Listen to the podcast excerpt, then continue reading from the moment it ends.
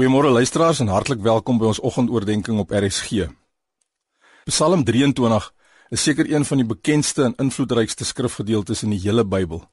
Dis 'n kragtige openbaring van God se herdershart en talle mense van reg oor die wêreld, selfs mense wat nie Christen is nie, ken of weet ten minste van hierdie Psalm wat Dawid geskryf het.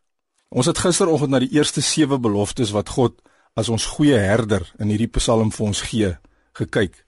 Die sewe beloftes is kortliks volkomme behoeftevoorsiening, rus, verkwikking in ons sielsarea, lyding, geregtigheid, beskerming en vertroosting. Nou vanoggend kyk ons na die oorblywende 6 beloftes.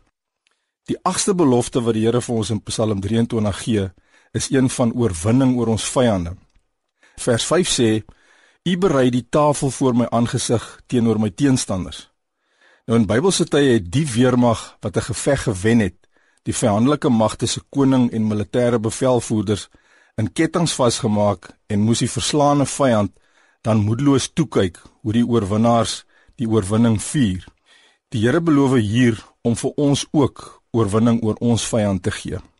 Die negende belofte is een van beskerming teen bose magte. Die voorlaaste gedeelte van vers 5 sê: "U maak my hoof vet met olie."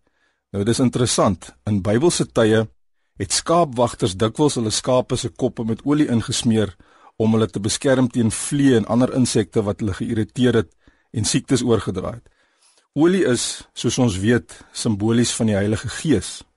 En dan word daar in 2 Konings 1 na Satan verwys as Baal Sebub wat beteken die heer van die vliee. So hier beloof die goeie herder dus om ons te beskerm teen elke plan van die vyand. Die 10de belofte is een van oorvloed. Die laaste gedeelte van vers 5 sê my beker loop oor.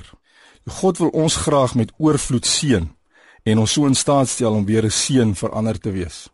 En dan die 11de belofte in Psalm 23 is die van goedheid en guns.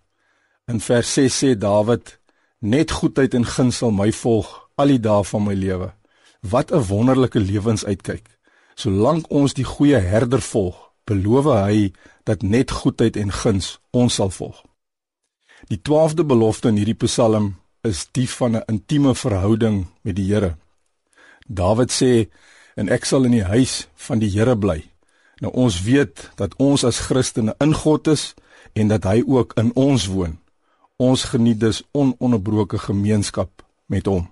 Die laaste belofte in Psalm 23 is die van ewige lewe.